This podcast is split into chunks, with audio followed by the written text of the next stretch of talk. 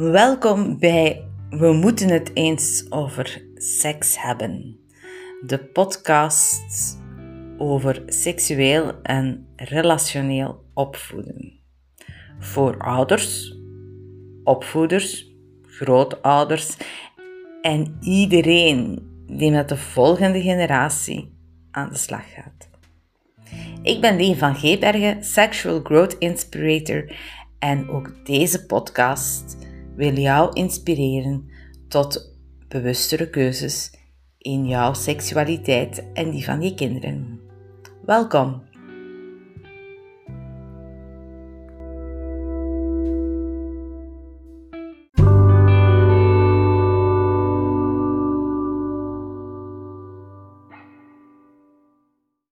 Hoe word je zwanger? Dat is een heel centrale vraag in seksuele opvoeding, seksuele voorlichting, eh, die we geven aan jongeren. En vaak wordt die vraag um, verkeerd benaderd. Heel vaak wordt die vraag benaderd vanuit hoe voorkom je zwangerschap?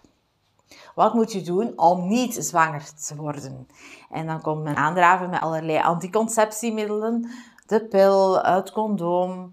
Um, vroeger wat kwam daar nog uh, periodieke onthouding bij. en die wordt, wat ook nog heel veel wordt toegepast. Maar um, we hebben het de afgelopen decennia in onze seksuele voorlichting heel veel gehad over hoe voorkom je zwangerschap. En dat is een heel beperkende insteek, omdat dat eigenlijk vooral vertelt wat je wel en niet uh, moet doen, mag doen, in het kader van het voorkomen van zwangerschap. En dan wanneer men dan wat ouder is en de kinderwens de kop opsteekt en de leeftijd komt om zwanger te worden, is men, raakt men heel vaak teleurgesteld, want blijkt, ja, je wordt eigenlijk niet zo gemakkelijk zwanger als dat u al de afgelopen twintig jaar hebben wijsgemaakt. Een vrouw die vandaag ehm, op haar 35ste haar biologische klok heel hard voelt tikken en zegt ik wil toch nog een kinder, ik heb toch nog een kinderwens, ik wil toch nog een kind. Ja, die, en wanneer die dan denkt dat ze zo binnen de eh, maand of binnen het half jaar zwanger gaat worden, Um, ja, die komt heel vaak heel teleurgesteld uit. Want um, één al door haar leeftijd, maar ook eigenlijk door het beeld dat ze heeft van ja, zwanger worden, dat doe je uh, in een hip en een wip. uh, dat wordt eigenlijk ja, een beetje naar beneden gehaald. Hè. Er is haar hele leven, ons hele leven wordt eigenlijk um, nogal paniekerig gedaan. Pas op, je kan daar zwanger van worden. Pas op, pas op. men wil zwangerschap voorkomen. We zijn eigenlijk een heel groot deel van ons leven, van ons jonge leven, bezig met zwangerschap te voorkomen. Dat wekt de indruk dat je heel gemakkelijk zwanger kan worden. Dat zwanger worden is van... Uh, wow, je hebt een keer seks en boem, patat, het is er direct op, het is direct gelukt. Um, dat is natuurlijk niet zo. En zeker niet als je op je 35ste pas gaat beginnen um, aan een kinderwens. En wat dan heel erg opvalt, is dat als die vrouwen en die koppels uh, op 35-jarige leeftijd, uh, halfweg de 30, dan wel zwanger willen worden, ze eigenlijk vaak niet weten hoe dat ze dan wel zwanger moeten worden. Er is heel weinig kennis over de vrouwelijke cyclus. Er is heel weinig kennis over hoe ontstaat een zwangerschap. En dan komt men eigenlijk heel vaak teleurgesteld uit. Want ja, er is mij toch gezegd dat zwanger worden dat dat vanzelf gaat. En daarom vind ik het heel belangrijk om als je aan seksuele voorlichting doet, dat je eigenlijk kinderen en jongeren vooral in eerste plaats vertelt, ja, wat, hoe dat je zwanger geraakt. Niet zozeer hoe dat je zwangerschap voorkomt, maar hoe dat je zwanger geraakt. En dan, dat biedt veel meer mogelijkheden en toont veel meer keuzes over hoe wij kunnen omgaan met een zwangerschapswens of het, eh, hoe wij kunnen eigenlijk een zwangerschap voorkomen. Om wanneer je spreekt vanuit hoe gebeurt het, eh, dan spreekt men eigenlijk vanuit de mogelijkheden die er zijn. Nu, uh, wij, de meeste van jullie hebben ooit op school iets geleerd over een menstruele cyclus. En die, ik herinner mijzelf nog dat ik uh, na die uitleg meestal zo half in paniek was van, ja, eigenlijk de enige moment dat ik dan veilig seks kan hebben, is uh, twee dagen voor mijn regels. en ik herinner mij nog heel goed, ik was dan heel onregelmatig. Ik kon dat niet voorspellen wanneer die, mijn regels eraan kwamen. Dus ik had als 16-jarige zo'n beetje het idee van, ik ga nooit seks kunnen hebben zonder zwanger te worden. Want hè, uh, ik kan alleen veilige seks hebben, zeker zijn dat ik niet zwanger ben, twee, weken, twee dagen voor mijn regels. Hè, als ik weet dat mijn regels eraan komen en ik weet niet wanneer mijn regels eraan komen. Help! Dus het is heel belangrijk eigenlijk om uh, jonge vrouwen zeer goed te leren ja, uh, hoe hun cyclus werkt, hoe dat ze hun cyclus ervaren, hoe dat ze hun lichaam ervaren, welke symptomen hun lichaam vertoont tijdens die menstruele cyclus. En van daaruit hen tonen van, kijk, dat zijn de momenten dat je zwanger kan worden. Dat zijn de symptomen die tonen, op, die tonen dat er vruchtbaarheid is. En dat is eigenlijk een, een veel uh, bredere uh, informatie die je dan geeft, waardoor dat de persoon in kwestie zelf kan kiezen hoe dat hij of zij daarmee omgaat. En uh, wij hebben geleerd, ik ook, dat de menstruele cyclus 28 dagen duurt. Daar gaan we al de mist in, want de, de meeste uh, vrouwen duurt uiteraard niet 28 dagen. Uh, de meeste vrouwen hebben een kortere of een langere cyclus. Haha. En dus let, let, netjes klokslag 28 dagen is vaak alleen wanneer dat je orale anticonceptie neemt. En zelfs dan is het er heel vaak wat uh, speling op van um, een dag of zo. En dus eerst en vooral, dus al vergeet die 28 dagen, dat is een gemiddelde. Maar dat is ook vooral 28 dagen, omdat dat mooi in te delen is in vier weken. En, en dan kan je dat gemakkelijk uitgelegd krijgen aan uh, de goede gemeente en aan de mensen van alle uh, geledingen en opleidingen. En uh, kan je eigenlijk aan iedereen uitgelegd kijken, kijk, 28 dagen en daar pal in het midden is de ijsprong. Ja, dat is al de tweede leugen die niet klopt. Ook of die uh, ijsprong zich daar in het midden op 14 dagen um, bevindt, is eigenlijk ook geen vaststaand feit. Ook dat is um, heel vaak een, een ja, heel, iets heel volatiel. Hè? Dus die, die, die ijsprong, dat is niet exact op 14 dagen. Dat is hetgene wat eigenlijk verschuift. Er is wel een redelijke consensus, maar ik ga dat zelfs ook weer ontkrachten. Een redelijke consensus over het feit dat uh, er na de ijsprong 14 dagen is tot de menstruatie.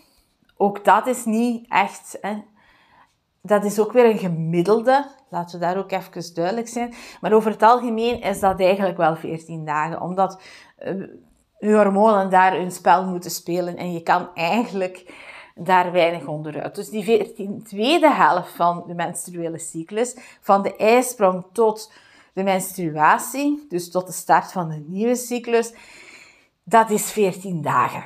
Laten we daar even van uitgaan. Dus elke speling die erop zit, wanneer uw 28 eh, dagen geen 28 dagen blijken te zijn, ja, dat is eigenlijk, uh, die laatste 14 dagen liggen redelijk vast. Als er geschoven wordt, is dat omdat uw ijsprong geschoven heeft. Hè? Omdat uw ijsprong vroeger of later is dan dag 14 van de cyclus.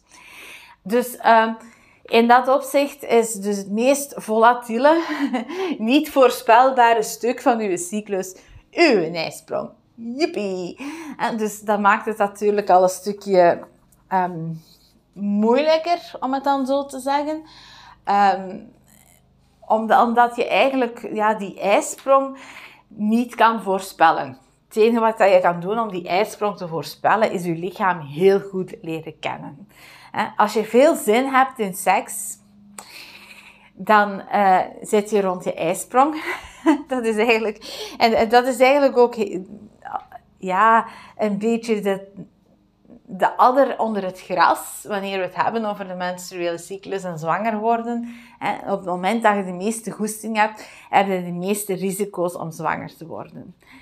Um, en dat is eigenlijk natuurlijk helemaal niet handig, want ja, je ziet dat ook heel vaak bij jonge mensen die onvoldoende zicht hebben op hun um, menstruele cyclus. Ja, het is juist op het moment dat ze het meeste zin hebben, dat ze het meest spontane zin hebben, dat er het meeste risico is op impulsief vrijen, op impulsief seksueel gedrag, dat dat ook een moment is dat ze het meeste risico lopen om zwanger te worden. ik, heb, ik ken heel wat um, ja, leeftijdsgenoten vroeger en ze telden. Hè, en ze telden verkeerd. Ja, ze telden eigenlijk niet direct verkeerd, ze telden waarschijnlijk zoals ze hadden moeten tellen, of zoals ze het geleerd hadden in de les biologie. Dus ze hadden op zich niet zo verkeerd geteld natuurlijk. Alleen paste hun cyclus niet in dat wat in de les biologie was verteld. Hè. De, de les biologie is maar een, ja, een beetje een, een wiskundige voorstelling van de menstruele cyclus. Dus um, daar, dat komt eigenlijk uh, tot... Um, dat leidt eigenlijk niet tot uh, de realiteit. Dus het is heel belangrijk dat jonge vrouwen, jonge meisjes, uh, hun eigen cyclus heel goed leren kennen. En um, daarom is het ook heel belangrijk dat jonge meisjes en jonge vrouwen eigenlijk een tijdje wachten met de pil. En heel veel ouders staan nu, help! Ja, maar mijn 15-jarige die moet ik aan de pil krijgen, want anders wordt hij zwanger. Ja, dat is natuurlijk het dilemma. Ofwel gaat je je 15, 16, 17, 18-jarige um, de kans geven om haar lichaam te leren kennen. Om um, de symptomen van haar lichaam te leren kennen en zo te leren hoe haar menstruele cyclus in elkaar zit. En kan ze dan daar in de rest van haar leven zeer dankbaar gebruik van maken. En dan neem je natuurlijk een zwangerschapsrisico. Kan je kinderen ook opvoeden en zeggen dat ze een condoom moeten gebruiken. Um, maar het, het is, ja, als je op dat moment, voordat die cyclus zich eigenlijk goed en wel heeft gesetteld, of voordat die cyclus goed en wel ontdekt is en, en gedocumenteerd is, gaat beginnen met anticonceptie, dan ga je eigenlijk dat proces, um, ja, ga je dat eigenlijk een kans missen. Hè? En dan zie je heel vaak dat vrouwen 10, 20 jaar anticonceptie nemen en dan na het ontpillen, dus ze moeten dan de pil pakken, en dan na het stoppen van de pil gaan ze een tijdje moeten die hormonen vrij geraken. Bij sommigen gaat dat heel vlot, bij anderen duurt dat een paar maanden.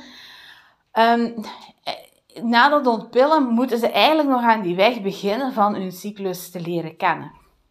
En dat zorgt wel eens voor verrassingen. Als ik naar mezelf kijk, ik heb natuurlijk met komen en gaan, ik heb periodes uh, de pil genomen en periodes veel minder de pil genomen. Um, maar ik heb pas bij mijn zwangerschappen ontdekt dat ik mijn uh, ijsprong altijd op dag 9 heb. Um, om je even een idee te geven, mijn menstruatiecyclus duurt 30, 31 dagen vroeger. Nu is het hem iets korter, gelukkig. Maar uh, vroeger was dat 30, 31 dagen. Dus je zou denken dat je, um, uw ijsprong ergens rond dag 15, 16 um, 17 misschien valt. Ah, wel, ik heb met mijn zwangerschappen die ik gehad heb ontdekt dat mijn ijsprong valt op dag 9. Dat is een week vroeger. Om je een idee te geven, dag 9, ik heb een week mijn regels. Ik ben een week ongesteld. Dat mijn regels helemaal weer uh, opgedroogd zijn, zijn we op dag 7 of dag 8. En dan op dag 9 komt mijn ijsprong. Als je even kan tellen, dan is dat natuurlijk, heb ik een veel te lange cyclus. Dat is dus geen 14 dagen in dat tweede deel. En ik merk dat ik ehm, met het ouder worden en het ontstressen en het werken aan mijn shit en mijn trauma's, um, dat dat stuk wel korter wordt. Dus het, heeft echt te maken met uh, mijn uh, fysieke toestand, mijn traumatische toestand, eigenlijk van wat ik allemaal heb meegemaakt als kind. Um, dat eigenlijk die, uh, dat tweede deel van die cyclus bij mij onnodig lang getrokken wordt. Als ik zou echt um, volledig natuurlijke cyclus hebben en, volledig eigenlijk uh, stressvrij zal zijn, dan heb ik mijn um, menstruatie alle 22, 23 dagen. Om maar een idee te geven hoe volatiel het zou kunnen zijn en hoe, uh, ja, hoe verschillend het is. Maar ik ben er dus achter gekomen door zwanger te zijn. En elke keer als ik bij de gynaecoloog was, kijk hier, ik ben zwanger. Um, eigenlijk ze moeten vaststellen dat ik al een week verder was dan dat ik gedacht had. um, ondertussen heb ik dat ook, merk ik dat ook aan mijn lichaam. Uh, als ik zin heb in seks, dan is zijn mijn regels daar, wat op zich natuurlijk niet abnormaal is. Want mijn lichaam is dat, op dat moment ook al mijn ijsprong aan het voorbereiden. En dus op het moment dat uh, de hormonen er zijn die mijn menstruatievocht loslaten, beginnen ook al de hormonen voor mijn uh, ijsprong te werken. En uh, dus als ik zin krijg in seks, gegarandeerd heb ik dan zanderdags mijn regels. En ik heb dus tijdens mijn regels altijd heel veel zin in seks en heel veel zin in seks de eerste dagen na mijn regels. En dan is het eigenlijk een beetje gedaan. Hè? Dat is, dan, dan is mijn spontane zin in seks voorbij.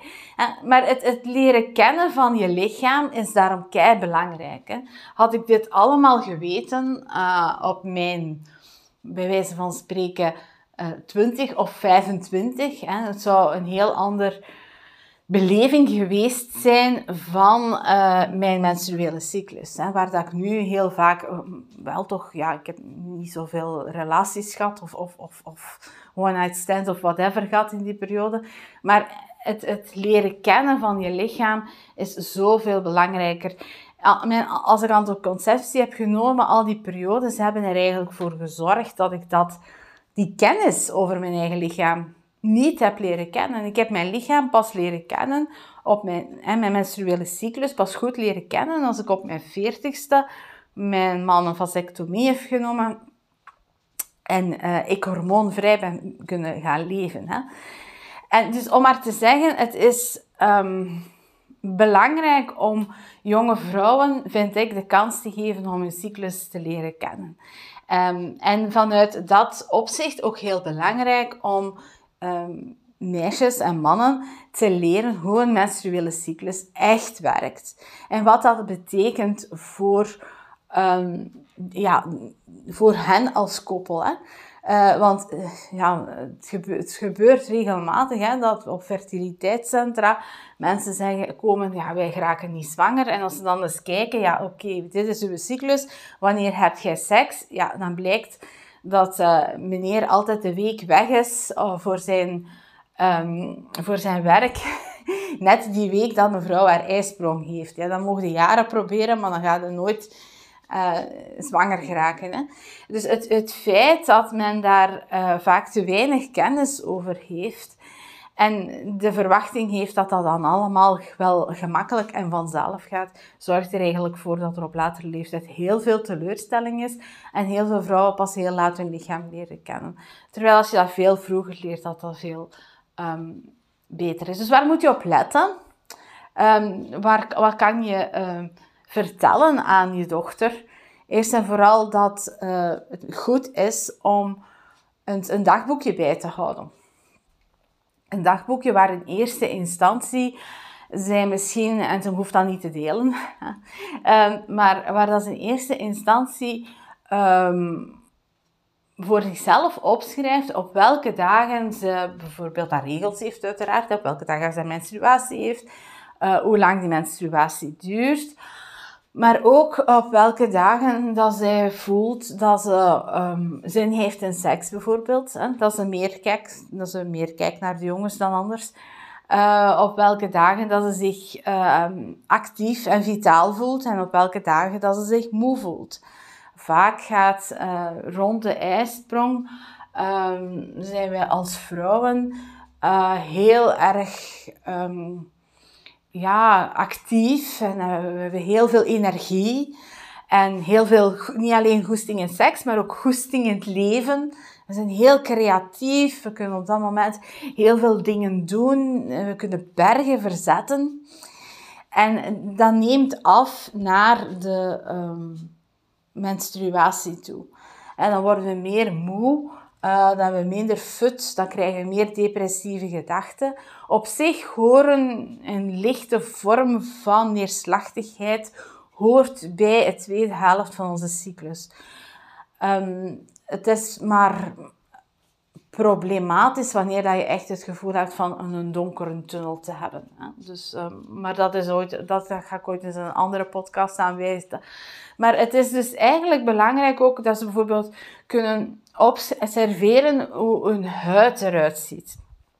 Vaak rond de um, ijsprong um, hebben ze een hele ja, mooie huid eigenlijk. Een hele gezonde huid, weinig puistjes, uh, niet zo vet. Uh, ja, een, een, een, gemakkelijke huid, om het zo te zeggen. Hè. En um, naar de cyclus toe, naar het einde van de cyclus toe, naar de menstruatie toe, uh, ontstaan er meer meeeters, ontstaan er meer puistjes op, in het gezicht, maar ook op het lichaam. Hè. Ik weet dat als ik een, ik heb de afgelopen jaren weinig puisten op mijn rug, maar ik weet dat als ik er een op mijn rug krijg, dat het de periode van de maand eraan komt. Of als ik een, een, een ergens, uh, bij mij is dan ergens aan ter hoogte van mijn slapen, dat ik dan wel eens een puist ontwikkel. En dan weet ik, ja, oké, daar, uh, daar komen de dagen aan. Dus het is heel belangrijk om jonge meisjes eigenlijk dat te leren. Hè. Hoe is uw huid, hoe is uw gemoed, hoe is uw energieniveau? Als je die drie dingen al in kaart kan brengen, gedurende een jaar of, of of langer. Dan, dan gaan zij daar vaak, en dan kan je samen met hen kijken, is daar een patroon? Uh, vaak kunnen ze dat zelf ook wel al ontdekken of er een patroon is. En dan kunnen ze eigenlijk zeer goed uh, voor zichzelf hun cyclus leren kennen en voor zichzelf kijken, daar is mijn ijsprong. Um, mijn cyclus is zoveel dagen en dan kunnen we op die manier um, hun eigen lichaam leren kennen. En kunnen ze eigenlijk ook veel beter hun lichaam voorspellen. Dus um, dat is eigenlijk dus heel belangrijk. En het gaat erom dan om te weten, ja, hoe raak je zwanger? Ja, dat is als je seks hebt in die dagen rond je ijsprong. En eh, ik ga even tot maximum 24, eigenlijk tot maximum 48 uur na je ijsprong kan je zwanger worden. Dus als je exact weet wanneer je ijsprong is, dan weet je dat je twee dagen later niet meer zwanger kan worden. Um, sperma overleeft vier tot vijf dagen. En sperma moet eigenlijk ook zoiets, moet zwemmen tot in de eileiders. Nu, de meeste sperma is zeer snel en geraakt daar wel op een paar uur. Maar um, de vruchting van uh, een vrouw vindt plaats niet in de baarmoeder, maar in de eileiders. Dus dat eitje wordt echt uh, bevrucht in de eileiders. Dat komt, wordt eigenlijk echt bevrucht op het moment dat springt. Dat komt in de eileiders terecht. En dat wordt daar bevrucht, niet in de baarmoeder. Dus het is niet dat dat eitje afdaalt tot de baarmoeder en daar bevrucht wordt. Het wordt echt bevrucht in de eileider dat geeft eigenlijk wel een beetje een idee van hoe beperkt uh, vruchtbaar we eigenlijk zijn. We zijn als vrouwen slechts 24 uur, maximum 48 uur vruchtbaar na de, onze ijsprong. En natuurlijk, wanneer dat je um, er een... In de natuur is dat voorzien eigenlijk dat we rond die periode veel seks hebben. Als je het biologisch programma bekijkt, het programma waarop dat wij biologisch gestoeld zijn, dan hebben vrouwen rond de periode van hun ijsprong, als je hen niet zou laten beperken door culturele dingen, eh, dan zouden ze rond de ijsprong verschillende partners hebben, zodanig dat er in hun baarmoeder een ja, een, een pool is, een mengeling is van verschillende zaadstalen, van verschillende sperma's. En dan heb je een survival of the fittest. Uh, vandaag de dag, uiteraard, uh, in de monogamie uh, maatschappij waarin wij leven, is dat niet zo. Hè? Heel veel, um, de meeste van ons hebben slechts met één partner seks. En is er dus maar één zaadstaal eigenlijk, hè? één spermastaal dat uh, richting um, de eileider vertrekt en daar gaat een, een, zwangerschap mogelijk uh, veroorzaken. Dus je moet al met een, met een, een man met goede zwemmertjes uh, seks hebben gehad op het juiste moment. Um, dus ook geen week voor dat u een ijsprong is. En geen 48 uur nadat u een ijsprong is. Want dan is de kans dat je daarvan zwanger wordt eigenlijk eerder klein. En daarom is het ook belangrijk om meisjes te leren dat ze op hun strepen moeten staan wat condoomgebruik betreft. Niet alleen om zwangerschap te voorkomen. En wat we heel vaak zien is als we meisjes de pil geven, dat ze eigenlijk een beetje laks worden tegenover mannen die weigeren een condoom te gebruiken. Tegen wanneer dat je meisjes geen pil geeft. En dan moeten ze eigenlijk, worden ze veel meer verplicht om een condoom te vragen. Om, om te zeggen, ja maar nee, nee, nee, een condoom, want anders word ik zwanger. En dus er is een extra motivatie om een condoom te gebruiken. En zeker bij jonge mensen is het heel belangrijk om, een, of bij iedereen eigenlijk, iedere keer wanneer je seks hebt met iemand die niet je vaste partner is, is het belangrijk om een condoom te gebruiken. En ja, een meisje dat de pil niet neemt, is extra gemotiveerd om te zeggen van, ja maar hé, hé, hé, condoom gebruiken. Ook de, de jongen die weet van, ja, jij gebruikt de pil niet, ah, u moet ik zeker een condoom gebruiken, want anders ga jij zwanger worden. Terwijl dat we eigenlijk heel vaak zien dat wanneer een meisje de pil neemt, heel veel mannen zich eigenlijk ontslaan voelen van hun verantwoordelijkheid en geen condoom gebruiken. Dus um, dat is nog een reden waarom dat ik eigenlijk ervoor pleit om niet te vroeg met de pil te beginnen. Om even wel heel duidelijk te zijn, ik ben geen voorstander van tienerzwangerschappen. Tienerzwangerschappen hebben ook hun risico's. Maar we zien bijvoorbeeld de laatste jaren uh, dat het aantal, uh, dat het eerste keer dat jongeren seks hebben, dat dat verlaat. Hè. De, de gemiddelde leeftijd ligt op 18 waar dat die 20, 30 jaar geleden op 16 lag. Dus we zijn daar uh, aan het opschuiven. Dat heeft te maken met een goede educatie. Dat heeft te maken met een betere voorlichting. Het is omdat wij onze jongeren op jongere leeftijd beter voorlichten, meer vertellen over seks, daar minder mysterieus over doen, hen meer informatie geven, dat zij langer wachten uh, om de eerste keer seks te hebben. Dat ze dat bewuster uitstellen omdat ze eigenlijk risico's beter kunnen inschatten, maar ook omdat ze veel beter begrijpen wat de impact van seks, van seks is. Hè. En dat ze daar de emotionele impact die, die rond seksualiteit uh, ook hangt, de relationele impact, dat ze die beter kunnen inschatten. En dat zorgt ervoor dat Oh, de gemiddelde leeftijd waarop de eerste keer seks hebben ook wel opschuift. Dus eigenlijk beste anticonceptie die je kan geven is zorgen voor een, een goede seksuele relationele opvoeding. Enerzijds zorgen voor heel veel goede informatie, uh, heel veel kennis rond seksualiteit. Uh, heel veel uitleg rond seksualiteit, zoals hoe werkt de menstruele cyclus, hoe word je zwanger. Hè, daar een, een, zeer duidelijk, en niet alleen uitleggen hè, zoals men vroeger wel deed. Dit zijn de anticonceptiemiddelen. Hè, want vroeger werd er niet over de cyclus gesproken. Men sprak alleen maar over de anticonceptiemiddelen die er waren. Juist een hele goede uitleg en kennis van de menstruele cyclus is belangrijk. En dan zorgt er eigenlijk voor dat jongeren op latere leeftijd bewuster gaan kiezen om seks te hebben in het kader van een vaste relatie. En daar wil ik geen oordeel over hebben, over one-night stands en zo. Ik bedoel, van mij mag iedereen seks hebben waar en wanneer hij wil. Maar je ziet wel dat um, wanneer dus die voorwaarden, die opvoeding gebeurd is, um, op de iets wat modernere manier, in tegenstelling tot wat wij vroeger gehad hebben, dat we eigenlijk bewustere keuzes zien en dat eigenlijk een zwangerschap um, voorkomen wordt door, niet alleen door anticonceptie, maar ook door heel wat andere factoren die eigenlijk meespelen uh, in het leven van een, een jonge, jonge mens eigenlijk. En een tienerzwangerschap, ja, op je zestiende zwangerschap, zwanger worden, ik wil dat echt niemand niet aanraden. Fysiek is je lichaam daar eigenlijk ook helemaal niet klaar voor. Maar ik denk dat we ook een stuk, misschien een stuk toleranter moeten gaan kijken naar vrouwen die op jonge leeftijd wensen zwanger te worden. Ik bedoel, leeftijd van 18, 19, 20 jaar. Um, is een leeftijd waarop, strikt genomen, vrouwen met ondersteuning van hun omgeving best wel in staat zijn om een kind op de wereld te zetten en dat op te voeden.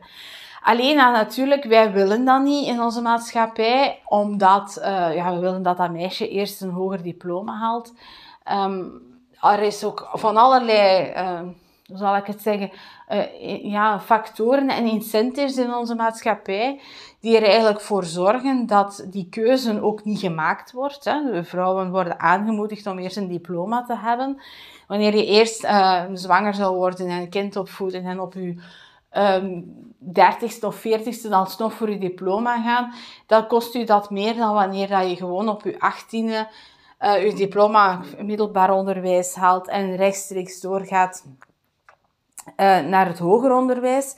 dat is een, een goedkoper je blijft aan kindergeld trekken, je hebt kans op toeslagen. Er zijn allerlei incentives die de overheid ontwikkelt om ervoor te zorgen dat mensen op hun achttiende niet zeggen, ja, ik ga werken en ik ga een gezin stichten, maar ik ga nog even, hè, in tegendeel, hè, ze willen dat iedereen nog een beetje verder gaat studeren, en, en, en zwangerschap eigenlijk een, gezinstichte uitstelt. Hè. En voordat je het weet, um, is dat uitgesteld tot je 35 bent. Dus we moeten ons daar ook wel bewust van worden dat we in een maatschappij leven waar dat zwangerschap op jonge leeftijd niet gepromoot wordt. En dan heb ik het niet over, allez, niet, niet over tienerzwangerschappen, maar dan heb ik het echt over zwangerschappen op zeer jonge leeftijd, 2021. Die worden ook niet gepromoot. En het is belangrijk om daar u bewust van te zijn dat er vanuit die, de maatschappij de, de, een dergelijke incentive is. En dat je de keuzes die je hebt, wanneer dat je een kind hebt, wanneer je kinderwens er is, wanneer je een kinderwens wilt vervullen, dat je die keuze zelf maakt. Hè. Soms ook tegen alle incentives van de maatschappij in. Dus, um, en, en daarom vind ik het zo belangrijk ook om die... Um, om die kennis door te geven hè, van hoe werkt mijn menstruele cyclus. Uh, om vrouwen op jongere leeftijd um, bewuster te maken. Bewustere keuzes naar seks toe, bewustere keuzes van wanneer heb ik seks.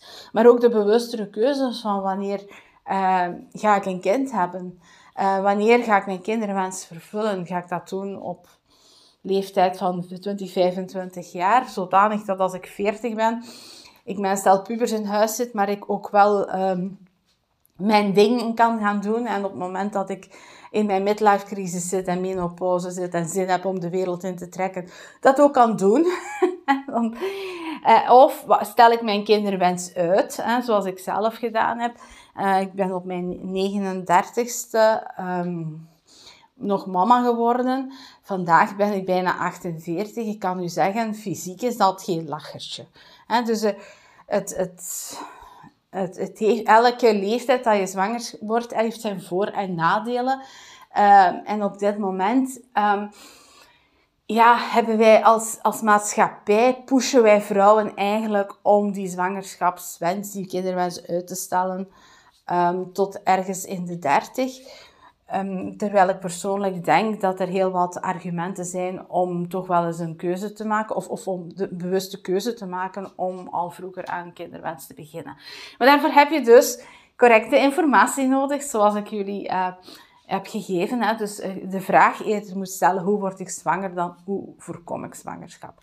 Ik hoop met deze podcast en met deze uitleg um, u geïnspireerd te hebben uh, naar een, ja, hoe zal ik zeggen, een, een andere kijk op onze menstruatie en zwangerschap.